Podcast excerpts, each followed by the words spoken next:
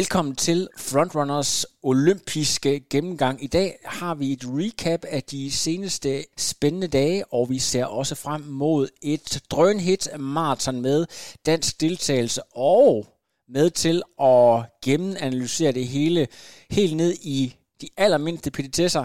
Henrik Thiem. Jo tak, jeg er glad for at være med igen. Det er en stor ære. Det er fantastisk, og jeg kan jo se, at du øh, ikke kun har øh, analysebrillerne på. Du er faktisk tilbage på tracken for at skulle pace til en dansk rekord. Hvad, hvad gik det ud på? det er min, øh, min kære far, som har rimelig stor ambition i hans aldersklasse. Han er jo blevet 70 år, og min far øh, holder stadig meget af at, at, at løbe og konkurrere. Så han gik simpelthen efter at sætte dansk rekord i aldersklassen 70-75 på, øh, på 800 meter. Men det er sådan, at når man stiller op til de her trackstævner i den alder, så, som min far er, så er der ikke så mange, der løber det samme hastighed som ham. Så han havde spurgt, om jeg havde lyst til at være, Øh, være har for ham og, og prøve at trække rundt de her, de her to omgange, så han kunne øh, komme i nærheden af øh, den danske rekord, øh, der var på, øh, på distancen. Så, øh, så onsdag aften var jeg inde og være, være hare på Østerbro Stadion og løb de her 800 meter øh, sammen med min far, og det var, det var sgu meget sjovt at være, at være tilbage på banen. Øh, jeg nød hver en meter og fik, sagt, eller fik mødt mange mennesker, som det er et stykke tid siden, jeg har set hej til, så det synes jeg var fedt. Fantastisk, og hvordan øh, gik det med rekorden? Han øh, nappede ikke den, øh, den danske rekord. Han løb øh, 2.41, øh, og øh, jeg mener, den danske rekord er øh, 4 sekunder hurtigere. Så han mangler lige et øh, par sekunder til at nappe den endnu, men han var godt tilfreds. Det var den næstbedste tid, der var, var løbet i den aldersklasse. Jeg skal også lige sige, at øh, min fars øh, store ulempe, det er, at han har et, et knæ, der gør, at han ikke kan holde til at løbe ture. Ja, så hans længste øh, løbetur er er i princippet 800 meter, eller så løber han typisk 200 meter, 400 meter eller 600 meter. Så han har gevaldigt mangler på, øh, på udholdenhed, når vi går ind på de sidste 200 meter på, på 800. Så der er meget små, korte intervaller og, øh, og bakketræning, og så bliver han sådan med lidt øh, med cykling. Men hvis du gerne vil løbe en god 800 meter, så skal der altså lidt øh, mængde til, men der har han et knæ, der ikke rigtig ved så meget. Men han nyder at konkurrere, og jeg synes, han gjorde det så godt. Der er mange løbere, der sådan er lidt op i alderen, der går efter de her mastersrekorder, eller hvad man kan kalde dem øh, aldersrekorder. Jeg kan huske øh, for nogle år siden, Gitte Karlshøj øh, herude på Aarhus Stadion gik efter nogle øh, årgange, så jeg ved for eksempel, det, det var så måske, der var Europarekorder eller verdensrekorder, der havde hun niveauet til. Er det noget, du selv kunne, kunne forestille, når du øh, om nogle år kommer der op af, Henrik? det er jo sådan, at øh, næste år, der runder jeg et, et skarpt hjørne. Nemlig? Det kan jeg se. Jeg bliver godt klar over, at det kommer som overraskelse ja. de fleste, men jeg bliver rent faktisk, jeg bliver rent faktisk 40 øh, næste år, og øh, hvis vi kan holde på en lille hemmelighed, så har jeg da kigget på nogle af de der aldersklasse rekorder. Og jeg vil sige, det der sådan, øh, hvad kan man sige, betager mig mest, det er lidt mere de, de personer, som har rekorderne. Altså, det er lidt mere, for det er alle sammen løber, som jeg på en eller anden måde har, har set op til. For eksempel har Dennis Jensen en rekord på, på en 10 km. Så er det Jørgen Lavnborg, der har, har nogle andre rekorder. Jeg kommer ikke i nærheden af Jørgen Lavnborgs maratonrekord, det er ikke det, jeg siger. Men jeg siger bare, at det er løber, som, som jeg beundrer, og hvis man kunne ligge og tage en rekord på dem, så ville det sgu være meget sjovt. Ja. Og det er primært en kado til de løber. Men jeg har, jeg har én krav. Det er, hvis jeg skal begynde at jagte de rekorder, jeg bliver simpelthen nødt til at ligge og konkurrere med Jesper Favsgaard. Ja. Altså, jeg kan ikke ligge og konkurrere i de aldersklasser, hvis jeg ikke skal ligge og konkurrere med den mand, som jeg altid har konkurreret med. Så han får en venlig besked om, Jesper, jeg Jamen. bliver simpelthen nødt til at løbe på dig, hvis jeg skal ligge og gå efter det her. Men det, det kræver, at vi... Er det en åben udfordring, kræver, Henrik? Er det en åben udfordring her på podcasten til Jesper Fagerskov? Øh, jeg vil sige, at før det kommer med en åben udfordring til Jesper Favsgaard, så skal jeg lige være sikker på, at min, min krop kan, kan holde til det. Øh, jeg glemmer det nogle gange, men jeg har stadig en hofte, som, som holder lidt udfordringer, og der er en årsag til, at øh, jeg trak mig tilbage øh, i sin tid for, for elitekarriere, men øh, jeg har også brug for, brug for at drømme, og jeg har også brug for at have lidt brændstof til nogle gange at komme ud og, og løbe nogle ture om, Øh, og, og lige nu kigger jeg lidt frem mod, mod næste år, så må vi se, hvad der sker. Men jeg er rigtig glad for, hvad jeg kan lige nu her. Fedt. Ved du hvad, vi skal simpelthen ligesom sidste gang igennem vores program i dag, og jeg har fundet nogle lidt sjove overskrifter, og øh, så kan det være, at du lige med et par linjer vil uddybe, hvad det rent faktisk går ud på. Så øh, Henrik, er du klar? Du starter bare. Det er godt. Nordmand er ny kejser i Tokyo efter vanvidsløb. Carsten Warholm satte en fuldstændig sindssyg verdenskort på, på 400 meter hæk. Undskyld min sprog, men det var simpelthen i løbet af en anden verden. 45, 94, 400 meter hæk. Hvad så? Og så har vi... Øh, det er, det er fantastisk. Så har vi jo nogle øh, lidt kortere nyheder, og den første af dem, den hedder Den evige Tor tager guldet. Crash øh, for, for Canada vandt endelig sin første store titel. Fuldstændig fortjent. Og lidt ud fra en uortodox løbestil har jeg valgt at kalde det næste for keniansk nikkedukke tager guldet. 400 meters øh, specialisten viste, at han også kunne løbe to omgange. Og så har vi ægte frontrunner vinder kvindernes 800 meter. Den øh, kommende verdensrekordholder på, på 800 meter øh, viste sig værd for første gang. Og så har vi lidt en two-in-one med den her overskrift. Danish Dynamite med ny rekord i relay.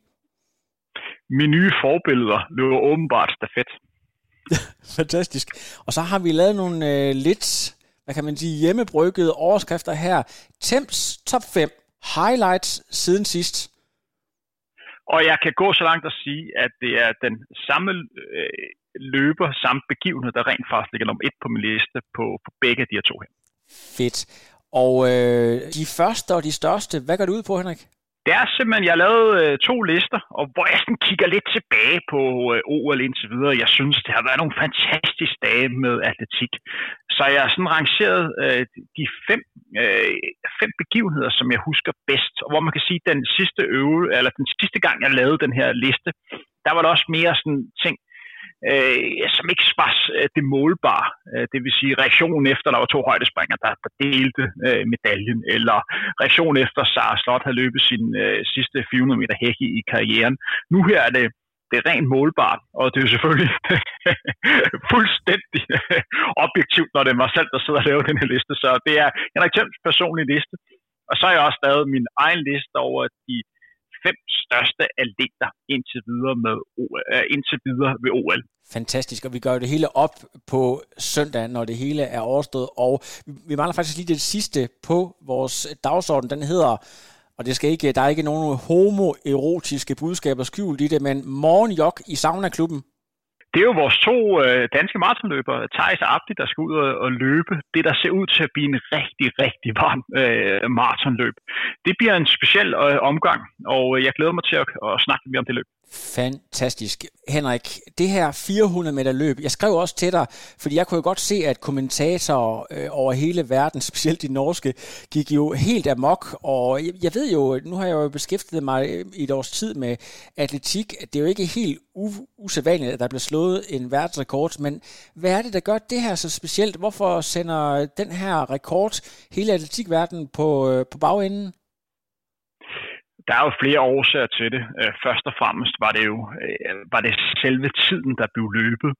Før løbet, der havde vi en verdenskort på 46-70, øh, og det er en verdenskort, som Carsten Barholm slog for lidt over et, en måned siden. Og det var en rekord, som har stået siden 1992, hvor Kevin Young løb den daværende verdenskort på 400 meter hæk i forbindelse med OL i Barcelona.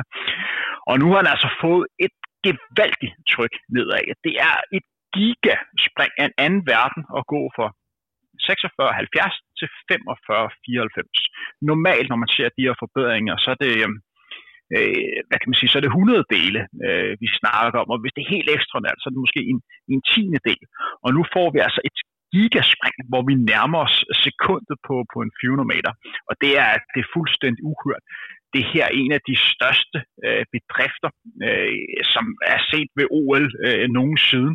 Øh, vi er på niveau med, øh, da Usain Bolt virkelig brød igennem i øh, 2008 og satte øh, verdensrekorden øh, på, på 100 meter. Vi er deroppe, ja, fordi det var fuldstændig unik, og det vi også skal være opmærksom på, det var, at på mange måder var det det perfekte løb, fordi udover Carsten Warholm blev 45-94, så havde vi altså også Ray Benjamin fra USA, som løber sindssygt langt under den tidligere verdensrekord. Han løber 46-17, og for at gøre det endnu mere ekstremt, så løberen, der bliver, øh, bliver nummer tre, en brasilianer, han ligger også og matcher den tidligere verdenskort, som Kevin Young øh, har sat. Han løb de her 46-72, så der er et fuldstændig uhørt finale på, på 400 meter hæk. Det er løb, som vi går over i historien som en af de største øh, enkeltstående begivenheder på, på atletikbanen det var øh, fuldstændig vanvittigt. Henrik, du er altid den kølige øh, analytiker, der tager dine forbehold, øh, nye sko, øh, der er folk, der taler om den her bane, der er særligt designet, der har et bounce osv. Selv med de forbehold, og du kigger på den rekord, hvad kan du sige om det? Der har været meget snak om, øh, at man har udviklet en ny atletikbane øh, i Tokyo. Øh, og det, man snakker om, det er, at man har lavet en atletikbane, hvor der er endnu bedre bounce til løberne. Og det er naturligt, at man med et stort mesterskab som OL og Tokyo rigtig gerne vil forbedre produktet og gøre det endnu mere attraktivt for, for tv-serierne at sidde og følge med i atletikken atletikken lever af de, de gode resultater. Det er det, folk gerne vil se. Det er det, der gør, at interessen bliver endnu større, så det er naturligt at gå, gå, i, den, øh, gå i den retning. Øh, så, så jeg anerkender fuldstændig øh, rekorden som noget af det mest ekstreme, øh, jeg nogensinde har set. Det skal så også lige siges, at øh, Carsten Warholm har selv været ude og udtale, han er ikke så begejstret for den nye udvikling på, øh, på, på løbesko. Det har han faktisk taget lidt øh, afstand fra og sagt, at han synes, det, det er ærgerligt, at man er gået, gået i den retning. Øh, det kan godt være, at han havde, han havde sagt noget lidt anderledes, hvis det nu var de lidt længere løb, øh, han har løbet. Men Carsten Warholm er altså nu ubesejret i 36 løb i træk. Jeg kunne godt tænke mig at se ham på 8 jeg kunne rigtig godt tænke mig at se ham på de to omgang. Jeg tror, han har mulighed for at kunne nærme sig David Rodishas verdenskort på 1.40-91. Det kan være, at jeg tager fuldstændig fejl, men det virker for mig som en løber, som har kapaciteten til også at løbe rigtig stærkt på, på 800 meter. Hvorfor skal man så gøre det, når man er, har lavet historie på 400, 400 meter hæk? Ja, det skal man gøre for at udfordre sig selv og gøre sit kapitel i den store historiebog endnu øh, større og endnu mere synligt.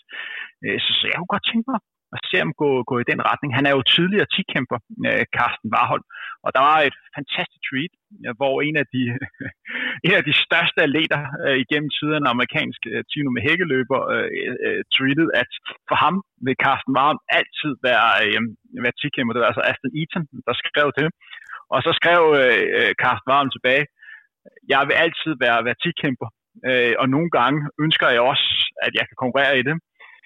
Øh, men så bliver jeg mindet om, at min PR i spydkast ikke er længere end 40 meter. øh, og man kommer ikke særlig langt i en 10-kamp, hvis man ikke kan kaste et spyd længere end 40 meter. Så he chose the Men glory. har et, han har et unikt talent, det har han altså. Fantastisk. Det kan være, det er en atlet, vi skal lave en special om på et tidspunkt. Det er også noget med, at hans træner er ret karismatisk, og de har sådan et, et ret specielt forhold, har jeg læst en artikel om, så der kan være mange sjove ting at dykke ned i der, som er lidt ud over det sædvanlige hans, hans træner øh, live, som er en lidt ældre øh, norsk herre, er fuldstændig fantastisk. De, de laver de sjoveste indslag, og de elsker at tage, tage pis på hinanden. Jeg synes, det er, det er rigtig, rigtig godt. Altså, det, det sidste indslag, de havde, det var, at de diskuterede om Carsten Warholm, han var en A-kendis i Norge. Altså, eller om han ikke var og det var øh, med masser af selvironi. Det er dejligt. Jeg går lige sådan noget der. Det er ja, fedt. lige præcis. Det passer også godt til den danske mentalitet. Men uh, Henrik, vi skal simpelthen videre i programmet, for ellers så når vi det simpelthen ikke før OL er slut. Øhm, når jeg tænker Canada og sprinter, så er der et navn, der dukker også, det er Ben Johnson, øh, kendt for både det, det gode og det lidt mindre gode, blev udelukket i Seoul efter en øh, doping ban, men vi har altså en anden kanadier her, der øh, brillerer. Jeg slog op, at han kun er 26, og han har efterhånden øh, en del år på banen, men jeg kan ikke rigtig se, at han har andet guld end en i relay, så det må være hans første individuelle, han tager. Kan du fortælle os lidt mere? Ja, det er helt korrekt. Øh, det er hans første store individuelle øh, titel. Jeg skal også lige nævne, at Canada har stolte traditioner i sprint. Udover Ben Johnson, der er naturlig årsag skiller sig lidt ud, så har de blandet øh, vundet OL på 100 meter i 1996, hvor Donovan Bailey øh, vandt. Og han er en, en sprinter, som hører blandt de, de absolut øh, største. De Kras har i mange år været en løber, som han har snakket om, at det her øh, Bolts øh, afløser, at det her er den kommende store superstjerne. Man kan også se, at han elsker at være på. Det er en showman, det, det er en mand, der øh, forstår at performe. Men han ligger og blevet nummer to, han er blevet nummer tre øh, på, på 100 meter og 200 meter.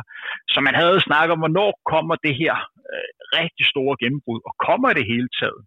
Så, så det, var, det var fedt for hans øh, vegne, at han vandt hans første store titel, og man kunne også tydeligt se på ham, at det her var virkelig noget, øh, der betød. Og generelt var det en rigtig, rigtig fed øh, 200 meter finale. Jeg har været lidt efter 100 meter finalen i denne udsendelse, fordi jeg synes, altså at bruge ordet ligegyldig er måske et, et stort ord, men øh, min point er lidt, at øh, man kommer ikke rigtigt til at huske 100 meter om 4-5 år ud over, at det var en italiener, der vandt.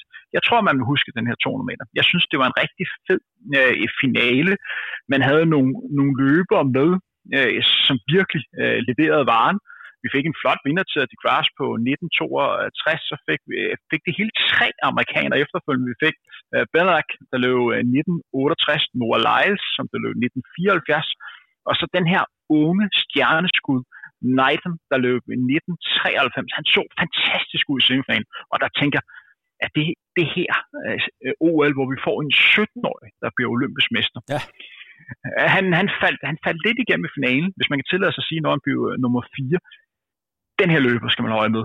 Hæftigt, han løber flot. Hans løbestil er fuldstændig unik. Jeg kan godt forstå, at han kunne mærke øh, presse, men det er altså den, en af de yngste OL-deltagere for USA i atletik nogensinde, og han er altså nummer 4, han er kun 17 år. Hold øje med ham.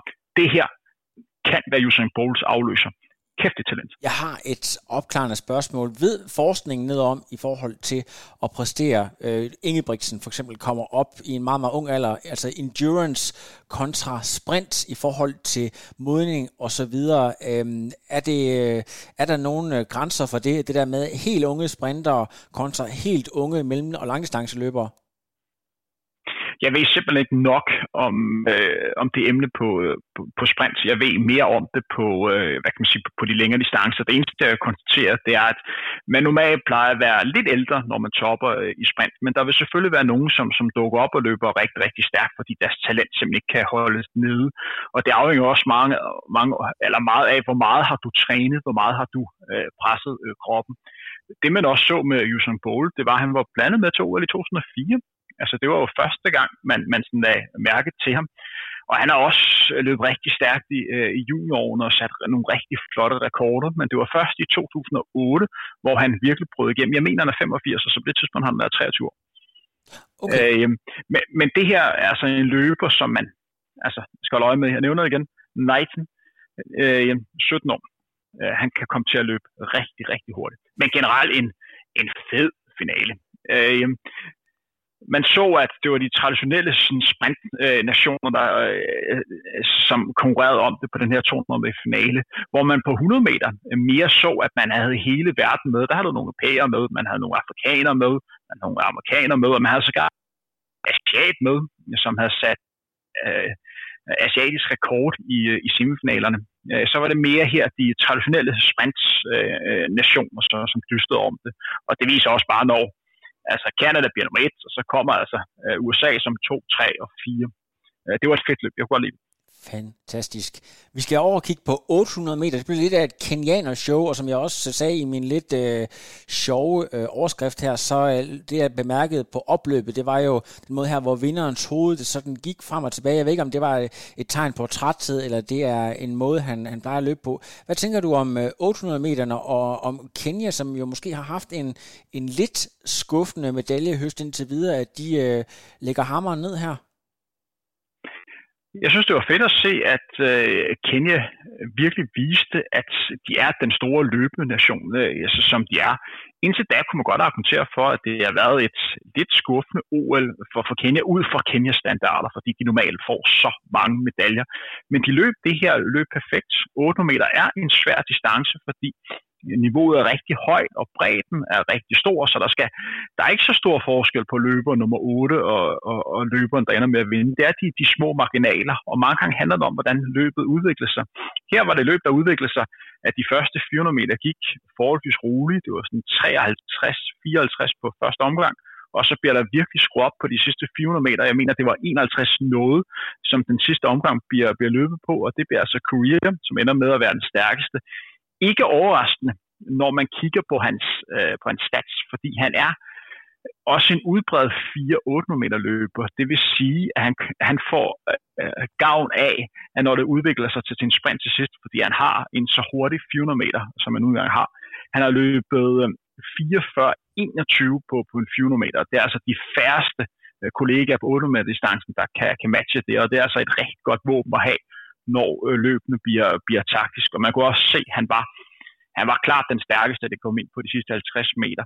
Og så kom hans landsmand, ja, der, øh, jeg tror, øh, hvad, øh, hans, hans, øh, hans landsmand, som kom ind og blev, øh, blev nummer to, og det var jo flot at se, at øh, Kenya formåede at blive et og to på, på 800 meter øh, distancen. Øh, de ramte den perfekt, taktisk perfekt løbet. Og hvem blev tre af det? Fik jeg ikke engang fat i.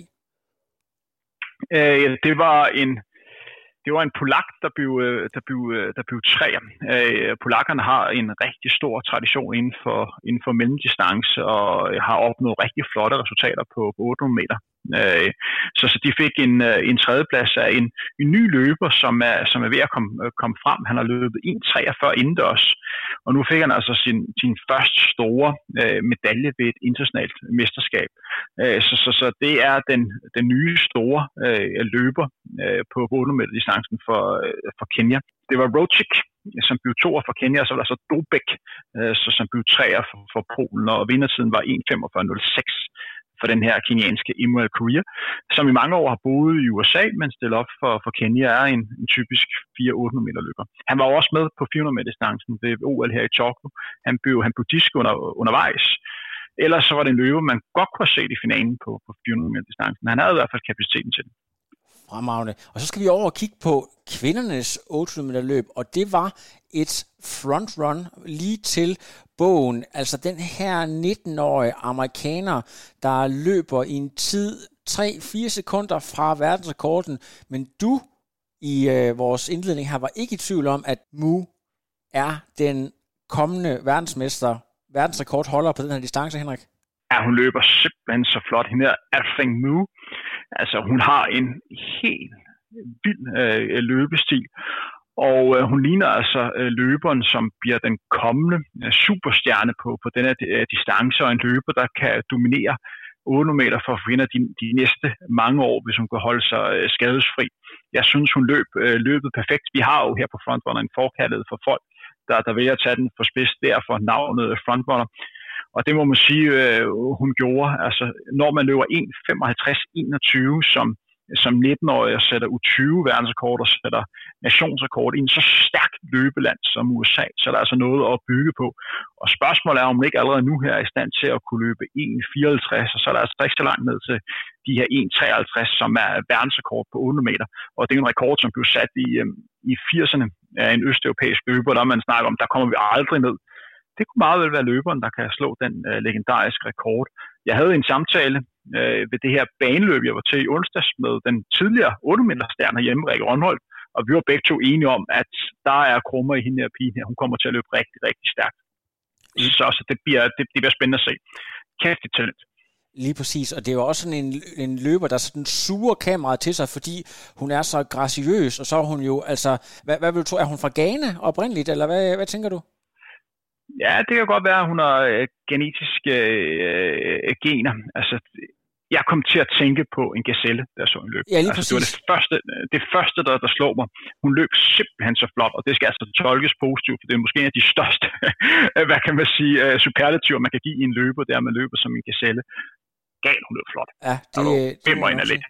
Og øh, ja, det er jo, hvis I ikke har set det, så skynd jer at gå ind og se det. Det hele det ligger, jeg tror Eurosport har lagt øh, de fleste op, øh, de fleste finaler op på øh, YouTube, så gå ind lige ind og søg på Mu her, der, der vandt 800 meter. Vi skal over og snakke noget relay, og øh, skal vi ikke starte med damerne næsten, øh, Henrik? Hvad, altså, Graversgaard måtte jo desværre tage hjem, så det var, øh, jeg ved ikke, om man kan sige, det var A-kæden, der løb, om, om de kunne have hentet mere, gjort mere. Hvad, hvad tager du med fra, fra deres løb, øh, Henrik? Jeg tager med øh, det med for, for kvindernes løb, at de løb rigtig, rigtig flot. Altså, de sætter ny øh, dansk rekord i 43-51. De er med de er med i løbet. De løber side om side med nogle af de absolute bedste sprinter i hele verden. Normalt plejer man at se, at mange af de store nationer, de sparer øh, nogle af de bedste øh, atleter i semifinalen, øh, så de kan være klar til finalen. Det gjorde det ikke her. man stillede op med råbe og stop. Det var de bedste løber, øh, der var. Og selvom de her fire danske piger, hvis du går ind og kigger på de individuelle personrekorder, så er de et stykke for nogle af de kvinder, som de ligger dyst med. Men de var med hele vejen igennem. Man kunne godt frygte på forhånd, at det her ville blive et, et tofløb for dem, men de var med, og de kan være super stolte over den præstation, øh, de lavede. Det her, det er rigtig, rigtig godt håndværk. Det er fire, eller seks kvinder, for det er seks kvinder, som er udtaget, der har taget det her meget, meget seriøst og trænet det, der skulle, skulle til, og, øh, og sørget for at forbedre sig individuelt, men også for at træne de her skifte, som er så vanvittigt vigtigt, hvis du gerne skal præstere i stafet. Vi ser engang imellem nogle af de, de store lande tage lidt let på det, og det bedste eksempel er på mændenes øh, 4x100 meter. Amerikanerne stiller op med et fuldstændig vanvittigt stafethold for her. Altså, vi snakker om fire løber, som alle sammen løber 99 eller hurtigere. Men alligevel, så de er ved at blive slået af det, det danske stafethold, der løber markant langsommere end dem. Og det gør de af en enkelt årsag, fordi de ikke får trænet de her skifter, og fordi de tager for let på det og siger, vi er så store stjerner, vi skal ikke træne det, det pæsje. Der er ikke noget, der er for fint for de her piger her. De får øh, altså, kæmpe respekt for dem. Jeg synes, det var en fornøjelse at se, og hvor det er skønt at se deres interview, som var efterfølgende. Hvis man ikke har set det nu, så prøv at søge det på, på DR. Altså, det var så livsbekræftende. Det var bare, øh, der var så meget girl power, det var bare sådan, næsten kæft, det er, det er fedt at være med, og vi har gjort vores bedste, og ja, det var bare skønt at se. Ja, lige præcis, og som hun også sagde, der går nok ikke, var det 76 år mere, fordi der kommer så meget talent nede bagfra lige nu, og de har været med til at sætte gang i den her proces, så der sker altså noget på øh, sprintdistancen lige nu, kan vi, kan vi godt øh, afsløre her på øh, On Air, simpelthen. Og for lige at sige, de fire øh, kvinder, som løb, der var Mathilde Ukramer, som løb første tur, Astrid Klenner Frans løb anden tur, Emma øh, Beide øh, Bomme løb tredje tur, og så Ida Karstoft øh, løb, øh, løb fire tur. Og så vil jeg også lige øh, rose, at dem, der har været med som reserver, det er sin sag at være med som reserve på, på de her stafethold, og vide, at med størst sandsynlighed, så kommer man ikke i aktion. Man skal holde gejsten, man skal bakke op omkring øh, pigerne, man skal stå og være glad for dem på, på deres vegne, det er, altså, det er en hård chance, så man må virkelig tage, tage hatten af for alle på det danske hold. De er alle en del af det her øh, bedrift. Lige præcis. Skal vi lige tale lidt om herren? Du nævner selv det her med amerikanerne, at øh, de er simpelthen lige ved at blive whoopet. Og så, som jeg har læst mig frem til, så er det jo de yderste decimaler, der gør, at Danmark ikke går videre faktisk. Ja, der skal otte øh, lande i øh, finalen, og Danmark ender på en 10. plads. Må lige nævne, at de danske kvinder ender på en øh, 14. plads. Øh, de danske stafetdrenge løber i heat øh, nummer to og slutter så nummer, nummer syv. Men den tid, som de, som de løb, de her 38-16, hvis de har løbet den i det første hit, så kunne det meget vel være en med tid, som var god nok til at gå direkte videre. Øh, på placeringen. Så det var en helt fantastisk bedrift, de her fire drenge lavede. Simon, Tanzana, øh, Kojo og, øh, øh og Frederik, det var en fantastisk øh, løb. Altså, de, de sætter næsten et dansk rekord med næsten et sekund. Det er fuldstændig uhørt. De løber den 20. bedste tid, der nogensinde er løbet på 4 x 100 meter. Den 10. bedste tid i Europa. Altså det her, det er et, giga gennembrud. Og i, ligesom kvinder var det også en fornøjelse at se dem i tv-studiet øh, bagefter. Altså, øh, de står der, og de har lige leveret deres livsløb, og alligevel har de fokus på, hvor tæt de var på at komme i OL-finalen. De her drenge, de vil mere. De vil skrive historie. De vil gerne ind på den absolute øh, topscene. De er ikke tilfreds øh, nok med at blive nummer 10 i verden. De vil endnu videre. Jeg kan godt lide den attitude. Og det, de havde fokus på, det var, at der var et skifte mellem Tanzana og Kojo, der ikke helt sad i skaben. Og det kan meget vel være det, som gjorde, at de ikke lige fik de sidste tiendedel, som de kom, øh, kom i finalen. Og det må man arbejde videre med.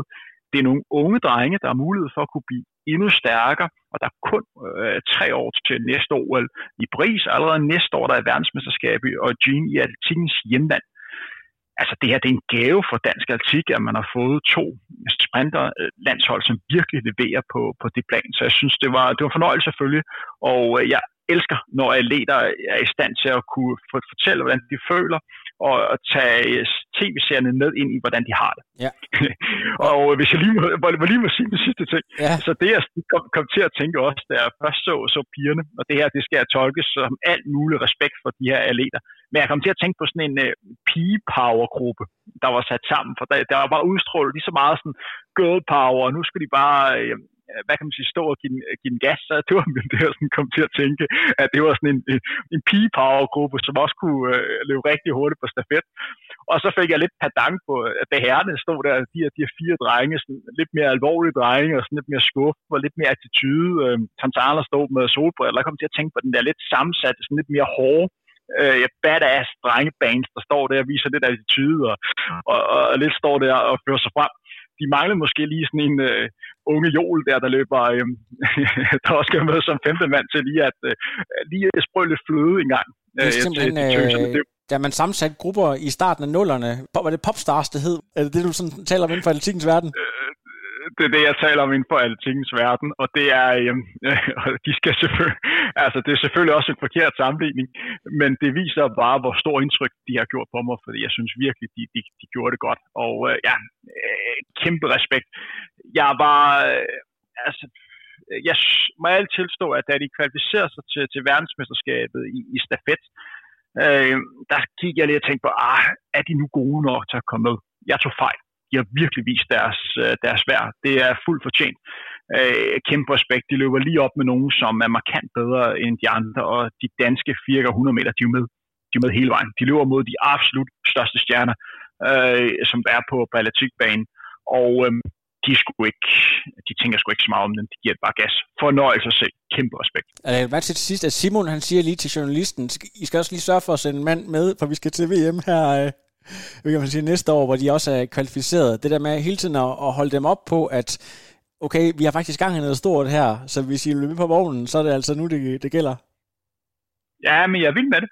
Altså, de ved godt, hvor de gerne vil hen, og de er ikke tilfredse med, at de er øh, nummer 10 i verden. De vil i finalen, de vil øh, vise, at man godt kan løbe sprint i Danmark. De vil, øh, de vil gerne være med. Jeg går lige. Det er fedt.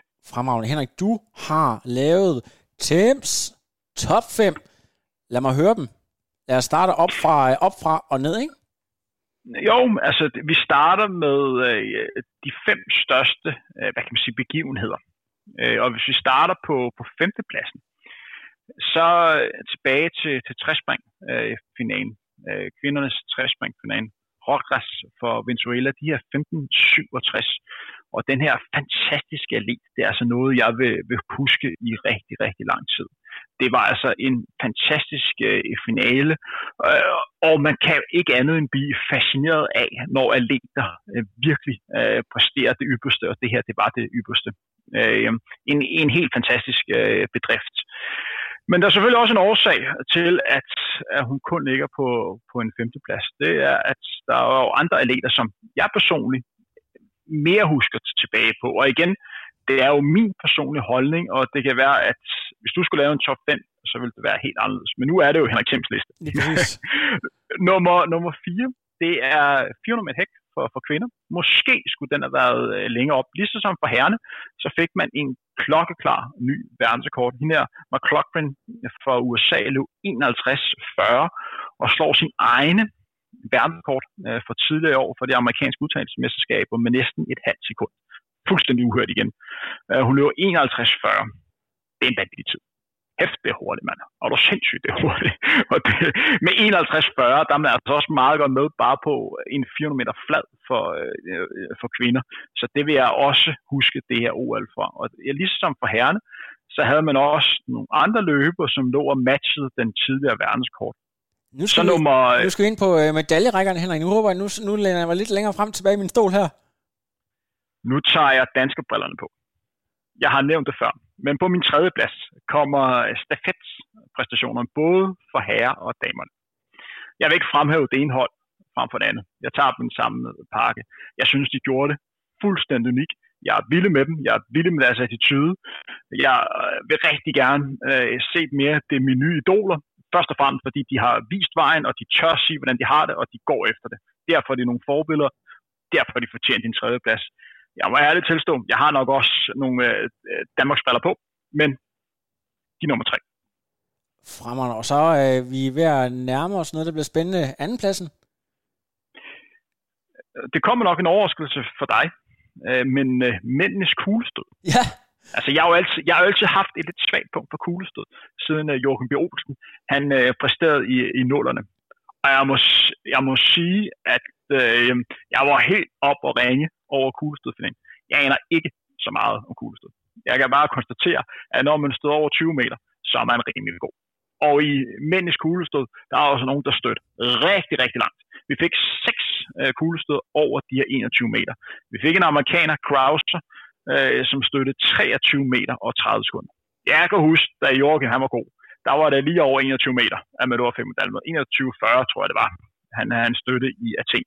Nu er det altså 23-30. Der er sket ja, noget. Det er langt, mand. At måle ud, op i, ud i haven. Kæft, det niveau. Så øh, de hører hjemme på, på anden. Desværre synes jeg, at mændenes kuglestød måske har fået lidt for lidt omtale, fordi det var godt nok en, en unik øh, bedrift. Så, øh, men nu er de med på min liste. Og så, kan Henrik, du gætte, hvad der... Nu laver jeg lidt trommevivl. Alle der kan huske, der var mandagschancen i gamle dage. Bum, Henrik. Hvad så? 400 meter hægt fra her. Carsten Marholm. Det er slet ikke oh. diskussion. Han, han løb, og, og tidens løb, nu tager jeg hele finalen som en, øh, som en hed. Det var øh, noget af det vildeste, øh, jeg længe har set, og noget, der skriver sig ind i historien. Sidste gang, jeg fik den store wow-fornemmelse, der er vi tilbage i 2012, med den her legendariske 800 meter finale, hvor David Rudisha løb den på spids øh, ved London. Og ellers tilbage i 2008, hvor Usain Bolt virkelig prøvede ind på verdensscenen og løb de her sidste 30 meter med hænderne over hovedet, og bare lavede den her vilde jubelscene og samtidig sat verdenskort. Det er løb, vi går over historien, og det er også med, med rette, når man følger med i diverse debatformer, så diskuterer atletikkyndige og andre atikinteresserede, om man lige overvejede det ypperste atletikdisciplin nogensinde. Vi er deroppe. Fantastisk. Og så skal vi videre til en øh, liste, som jeg sådan stadigvæk er lidt i tvivl om, hvad der, hvad der gemmer sig. Men øh, det er også lidt, lidt fedt, når jeg sidder og, og optager den, og ikke rigtig ved, hvad der kommer. Øhm, de første og de største, Henrik? Ja, øh, når jeg sådan lukker øjnene og tænker tilbage på de fem største stjerner ved, ved det her OL, dem som jeg synes, der har øh, præsteret allerbedst igen, min personlige øh, top 5, det kan være, den ændrer sig, når OL er, er færdig. På en femte plads er der faktisk to der deler den. Jeg kunne faktisk jeg kunne ikke helt blive enig med mig selv, om der skulle have den. Så det står mellem den kvindelige 400-mester, jeg har nævnt den før, hende McLaughlin for, for USA, og så ham den unge 200 meter løber, ligeledes for USA, ham den Knighton. Og, og det var, fordi at jeg fik tankerne hen mod Usain Bolt. Øh, 17 år, der allerede præsterer det fuldstændig uhørt. Øh, jeg ved godt, han bliver sat op i en bås nu, men øh, han løb ligesom Usain Bolt. Øh, han har løbet lige så stærkt som Usain Bolt i den alder, og også hurtigere. Så øh, derfor har han gjort fortjent til, til den samling, og de deler altså femtepladsen. Øh, må jeg gå videre? Det må du i hvert fald. Nummer 4 på min liste, Krauser, kuglestøderen. Når man kan lave en serie og så mange gange støde over 22 meter og sætte ny olympisk rekord og være tæt på sin egen verdenskort, så hører man også hjemme på top, øh, på top 5 over de største stjerner indtil videre på OL. Nummer 3, en kvindelig langdistansløber, som vi har set allerede løbe en del løb indtil videre. Vi skal se hende øh, senere i dag, optagelsesløb, eller vi optager fredag den 6. Hun skal løbe 15 meter finale her om et par timer. Hun skal løbe 10.000 meter i morgen. Men Sifan Hassan, hun er her, der alle veje ved, ved det her OL, og jeg forventer, at hun går nogle gode dage i møde. Hun ligger på en tredjeplads indtil videre med pil op, fordi jeg har faktisk en forventning af, at hun kommer endnu højere op på den her top 5-liste. Uh, anden pladsen, Henrik. Uh, hvad så? Alain Thomas, øh, sprinteren for Jamaica, dobbelt 100-200 meter, øh, med to fantastiske tider hele vejen igennem. Kæmpe superstjerne øh, og minder om, at Jamaica stadigvæk er med på den absolute øh, topplan, selvom de ikke helt er på samme niveau øh, for herrene. Øh, så viser altså for kvinder, at de, de stadigvæk er med, og det er så fedt, når sprinterne laver en, en dobbelt. Fedt. Henrik, og nu kommer der trommevivlen. Er du klar? Førstepladsen. Jeg har jo nævnt det. Øh, Carsten Vagn er ikke til at komme udenom. Det han leverede der, det gør, at han hører hjemme på som nummer et. Øh, der er andre leder, der måske kan, kan byde ind. Øh, nogen vil måske også mene, at sådan en som Duplantis, den svenske stangspringer, har hørt hjemme. Jeg havde ham også i overvejelserne. Øh, jeg forventer også, at Jakob Ingebrigtsen kan være en, øh, en kandidat, hvis han leverer varen på, på 1500 meter distancen, som han skal løbe i, i, i morgen. Og så har jeg altså en stor fidus der, at Sifan Hassan kan rykke på placering op. Og så hvis der kommer nogle fuldstændig vanvittige resultater de sidste par dage, så vil det naturligvis også rykke lidt højere op på min, øh, på min top 5. Og så skal vi kigge frem mod Morgenjok i Sauna-klubben. Og når jeg siger Morgenjok, så er det også fordi, at jeg tror nok, at der skal løbes meget, meget tidligt fra morgenen af. Hvad, hvad, er du også uh, well-informed og well-wired i forhold til nyheder fra uh, vores danske delegation ude i Fjernøsten? De løber klokken 7 uh, søndag morgen, uh, midnat, uh, midnat dansk, uh, dansk tid, uh, eller natten mellem lørdag til, til søndag, så det er så klokken 7, de starter. Uh, jeg ved, at uh, Thijs og Abdi har, har forberedt sig i en lang periode på at præstere så tæt på optimalt, eller så tæt på 100%, som man nu, nu kan ved det her olympiske øh, lege. Jeg kan lige så godt sige det med, på forhånd. Det bliver et løb, hvor man ikke kan forvente øh, de hurtige tider. Og det er der simpelthen en årsag til, det er forholdene. Det er, at det bliver varmt. Det bliver rigtig varmt, selvom det er kl. 7 om morgenen, så man forventer øh, høje temperaturer og ikke mindst en høj øh, luftfugtighed. Så det bliver et barskløb. Du kan forvente 130-140 løbere, der er stillet til start, hvor en stor del af de her løber nok øh, vil udgå eller sætte tempoet markant ned undervejs.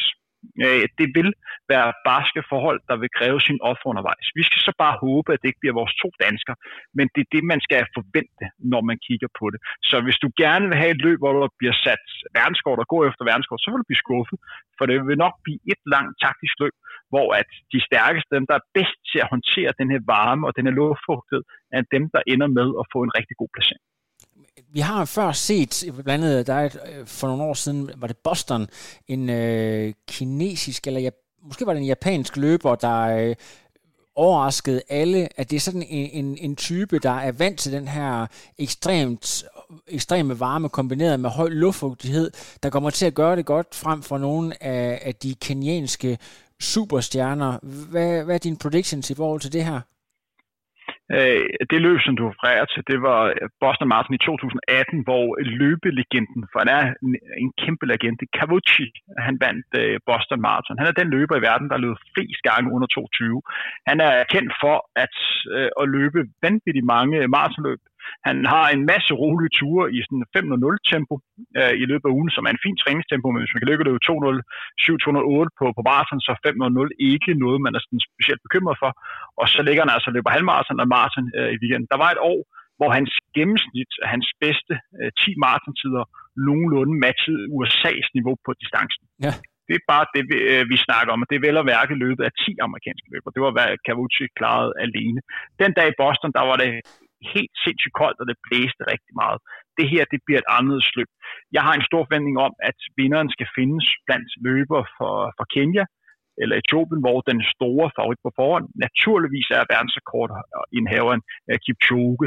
Jeg er lidt i tvivl om, at Kipchoge er den Kipchoge, som vi, vi kender øh, for tidligere. Han havde ikke den bedste sæson sidste år. Jeg ved godt, at blev brevet af corona, men han fik problemer ved, ved London Marathon og viste svaghedstegn for første gang, siden han er brudt frem på marathonscenen i 2013. Så kom han tilbage i år i april måned og vandt det her opstillede øh, øh, øh løb. Jeg mener, det var i lufthavn i, i Holland, hvor han altså, øh, jeg mener, det var 204-205, han løb ved den lejlighed, men for at være helt ærlig, han blev heller ikke helt øh, presset det store spørgsmål er, om en Kipchoge på 90 95 procent stadig er stærk nok til at blive olympisk mester. Hvis du går tilbage og kigger på OL for fire år siden, så var Kipchoge klart den bedste. Ved den lejlighed var der en større gruppe, som lå samlet og rundede det øh, første halvmarathon i 65-66, og så blev tempoet gradvist øh, skruet op, og efter 35 km, så var det Kipchoge, der lå helt alene, og så rigtig komfortabel ud øh, mod slutningen. Men der er øh, der findes løbere det her felt, som er rigtig gode mesterskabsløbere. Hvis de rammer dagen, så kan de godt få en god placering.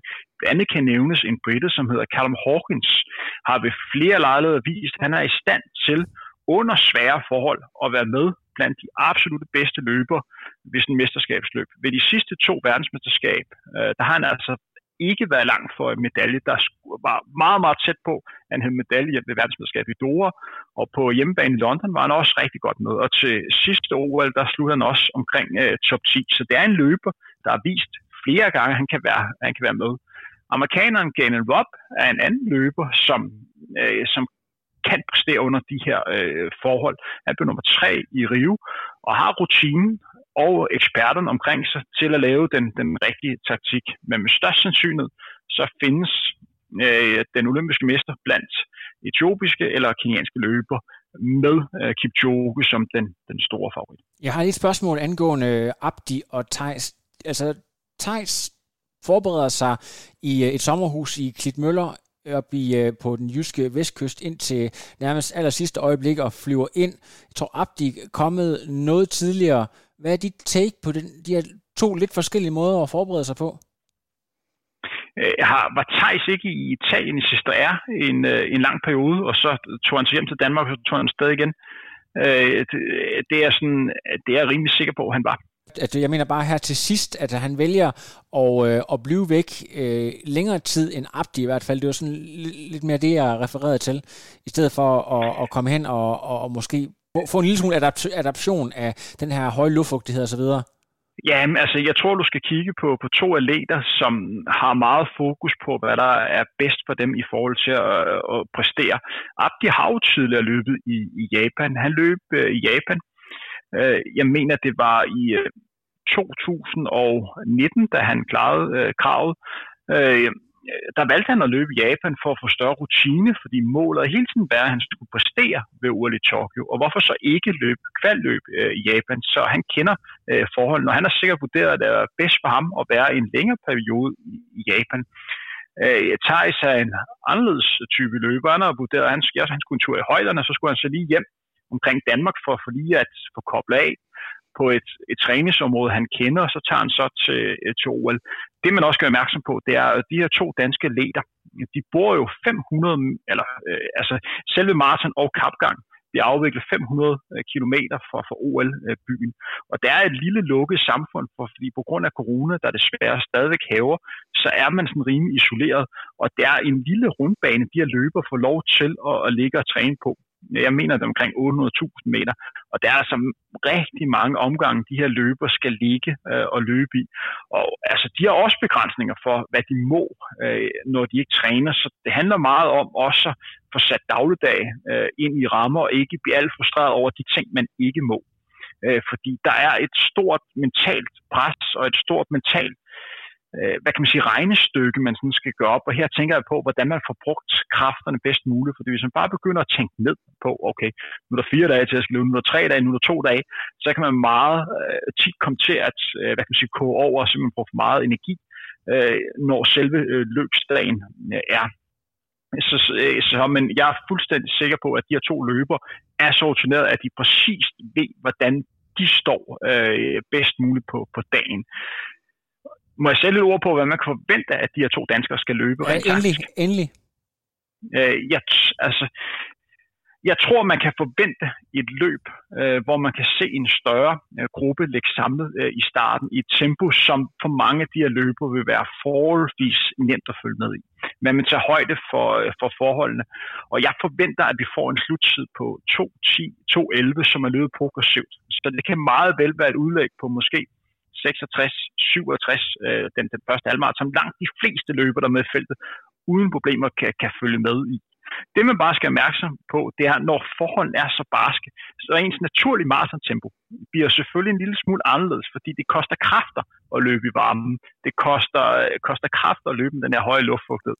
Så, så, så hvis du normalt løber 2.11 på maraton, så kan det være, at dit optimale maratontempo nu hedder så øh, hvad kan man sige, 3.10 og måske mere øh, 2.14, så det skal man øh, tage højde for. Men jeg regner med, at du vil se en gruppe på 40-50, måske 60 mand, som ligger, ligger samlet, og der vil alle de her løbere have ambition om at komme i top 10. Og så vil du kunne se udskilling undervejs. Og så vil der løber i den gruppe, der vil ligge og løbe, om, og løbe med sejren, og så vil du se løber, som ligger lidt mere passivt ud, og så vil øh, lave den taktik, som jeg kalder fejebladet-taktikken, og så bare ligge og tage alle de løber, som går kold undervejs. Øh, jeg tror, at Abdi vil vælge at gå med frontgruppen. Han er en frontrunner. Abdi, og han kan godt lide at, at løbe med, så jeg tror, at det er den model, han vælger.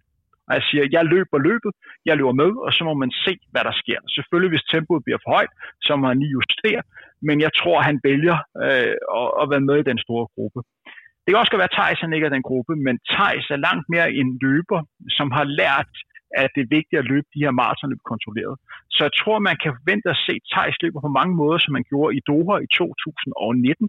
Det vil sige, at han løber lidt passivt i starten, og så vil han agere fejemand og ligge og hente rigtigt de her mange løber, som går kolde. Jeg tror, man kan forvente, at en, en gruppe mennesker vil udgå på grund af forholdene, måske også for at spare sig, og så være løbere, som kan se, at top 10 ikke er muligt, og på den måde lige gå lidt ned i tempo. Også fordi, at situationen er den her, at der er mange løbere, som ikke rigtig har en maratonnotering her i, øh, i 2021, og sågar i 2020, fordi maratonsæsonen ikke rigtig har været der på corona. Det ser ud som om, at der bliver afviklet lidt flere øh, maratonløb øh, her i efteråret, og man kan sagtens tænke, hvorfor skal jeg blive nummer 45 til OL, når jeg kan stå knivskarpt, øh, lad os sige maratonløb i, øh, i oktober måned, og måske sætte ny personrekord, og måske vinde nogle præmiepenge, og nogle, få nogle endnu bedre sponsorer, så jeg kan blive endnu bedre i 20, øh, 2022. Det tror jeg, der vil nogen vil tænke undervejs.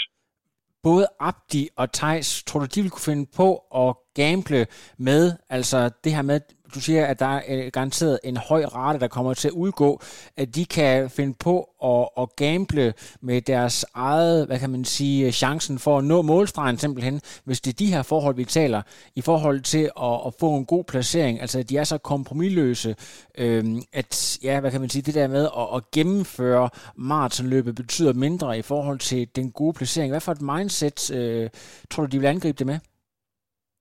Først og fremmest kan man aldrig gardere sig 100% med, om man får problemer i, i varmen. Du kan forberede dig lige så tosset du ved, men nogle gange er det et pustespil, og nogle gange rammer den bare, især når luftfugtigheden er så høj. Og det er totalt umuligt at løbe stærkt, når luftfugtigheden er rigtig høj, også når det er varmt. Det betyder bare rigtig meget på maratondistancen det bliver spændende også allerede at se, når kvinderne løber her øh, senere i dag, og også på, øh, man kan også se det på mændenes 50 km kapgang, at at der er en del, der har haft det hårdt, men det vil blive endnu mere udtalt, når kvinderne løber her, for så har man lidt bedre sammenligningsgrundlag. Jeg tror, man forventer, at man ser to danske løbere, der kommer i mål. Jeg tror, man forventer at se to danske løbere, der gør, hvad de kan for at få en god placering. Det er det OL, og de vil rigtig, rigtig gerne i mål. At de har tidligere haft problemer i, øh, i, i varmen, men han har lært meget af de varmeløb, øh, han har, og han har lært meget at få drukket rigtigt undervejs og passe på sig selv. Øh, så jeg forventer, at de klarer sig godt øh, i varmen, og, øh, og nok også kommer til at ramme øh, målstregen. Og jeg tror også, de kommer til at øh, få en god placering. Hvis du går ind og kigger på, på tider undervejs, skal man også lige være opmærksom på, at selvom øh, 2, 10, 57 og 2, 11 øh, 03 er rigtig, rigtig gode maratontider. det er virkelig hurtigt. Så er de altså stadigvæk seedet som nummer 90, og, øh, og jeg tror det er 596 på, på, på ranglisten. Så det er altså der, vi snakker. Der er altså mange løbere, som på papiret er bedre end dem. Jeg tror, at de kommer til at slutte betydeligt højere end den placering, men det viser bare lidt, hvor vi skal ligge succeskriterierne hen fremragende analyse, Henrik. Skal vi kigge lidt frem på, hvad lytterne kan glæde sig til, hvis de tuner ind, som de selvfølgelig gør, når vi udgiver igen på søndag. Udover det her maratonløb, så skal vi jo blandt andet høre om Sifan Hassan har skrevet sig ind i den olympiske historie. Vi skal se nærmere på, hvordan det er gået med Jakob Ingebrigtsen, og er der flere ting, du øh, allerede nu ved, Henrik, vi skal have på vores program? Er jo mændenes 5.000 meter finale, som bliver løbet faktisk om 35 minutters tid her, hvor vi sidder og optager. Det er jo øh, efterhånden blevet lidt over middag øh, fredag. Når I hører den udsendelse, så er I godt klar over, hvem der har vundet den her, den her femmer. Øh, vi vil komme til at snakke om, hvordan femmeren gik, og øh, hvorfor løbet udvikler sig, som det gjorde. Og så er der jo 1.500 meter finale for kvinder, 10.000 meter finale for kvinder. Spændende at se, om Sifan Hassan øh, vinder dobbelt. Jeg er rimelig sikker på, at hun vinder 10'eren jeg er lidt mere usikker på, på 1500, så er der maraton både for, for kvinder og herrer, og vi vil især have fokus på, øh, hvad kan man sige, på herrenes løb. Og så ellers de andre atletikdiscipliner, hvor der sker noget, noget uhørt. Altså, øh, min ekspertise er selvfølgelig størst øh, i, i løbedisciplinerne. Øh, jeg ved lidt om de andre discipliner, men jeg bliver aldrig en ekspert i nogle af de, de tekniske øvelser. Øh, dertil ved jeg simpelthen for lidt. Men der er nogle af øvelserne, jeg synes, der er rigtig, rigtig fede at sidde og kigge på. Ja, og det er jo altid sådan, at vores indbakke er åben. Man kan altid skrive det på sociale medier, hvis vi kommer til at sige noget, noget sludder omkring øh, træspring, øh, stangspring, øh, kast af nogen art. Øh, vi er ikke typerne, der bliver fornærmet over at, at blive øh, uh, korrekt en lille smule. Det er, det er kærkommet. Øh, har du noget, du skal sige til allersidst her, Henrik, før vi siger på gensyn til lytterne? Nej, øh, følg med her de sidste par dage, og så husk at se, øh, se maratonløb. Øh, det er natten til, natten til søndag. Jeg tror, det bliver et, et løb, som man vil huske. Jeg tror, det bliver en rigtig, rigtig fed duel. Men man går ind med det mindset, at det her løb skal man se for at opleve et mesterskab i taktisk løb, hvor det taktiske spil i høj grad afhænger af, af varme og placering i feltet og, og luftfugtighed. Og man vil også se et, et maratonløb, hvor nogle af løberne helt sikkert vil bruge de her væskestationer lidt anderledes, end normalt plejer at se. Fordi normalt vil man bare se på maratonløb, at løberne tager væske hver 15 km.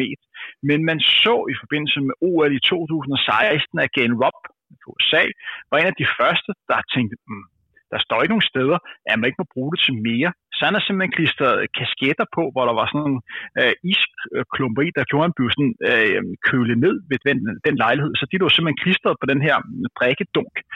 Så du kan godt se, at der er andre løber, der sidder og overvejer, kan det være en god idé for mig øh, lige at få en lidt nedkøling undervejs? Kan det gøre, at jeg præsterer lidt bedre? Men hvis du gerne vil se et løb, hvor der bliver løbet verdenskorttider, hvor der bliver løbet maratontider omkring 203-204, så tror du, du vil blive skuffet, for det bliver ikke den slags løb men det kan blive et rigtig fedt mesterskabsløb. Fantastisk. Så øh, hvis I skal ud og løbe langt søndag, så er det jo en kærkommen mulighed ud og få løbet en 20-30 km lige hjem og få noget godt at spise. Tag en god lang morfar på sofaen, så er I klar kl. 12, og så kan I bare lige længe jer tilbage. Måske lige øh, hente dynen ind, som I har været ude at lufte, og så øh, skrue lidt ekstra op for lyden. Og fra Frontrunner siger vi, stay tuned.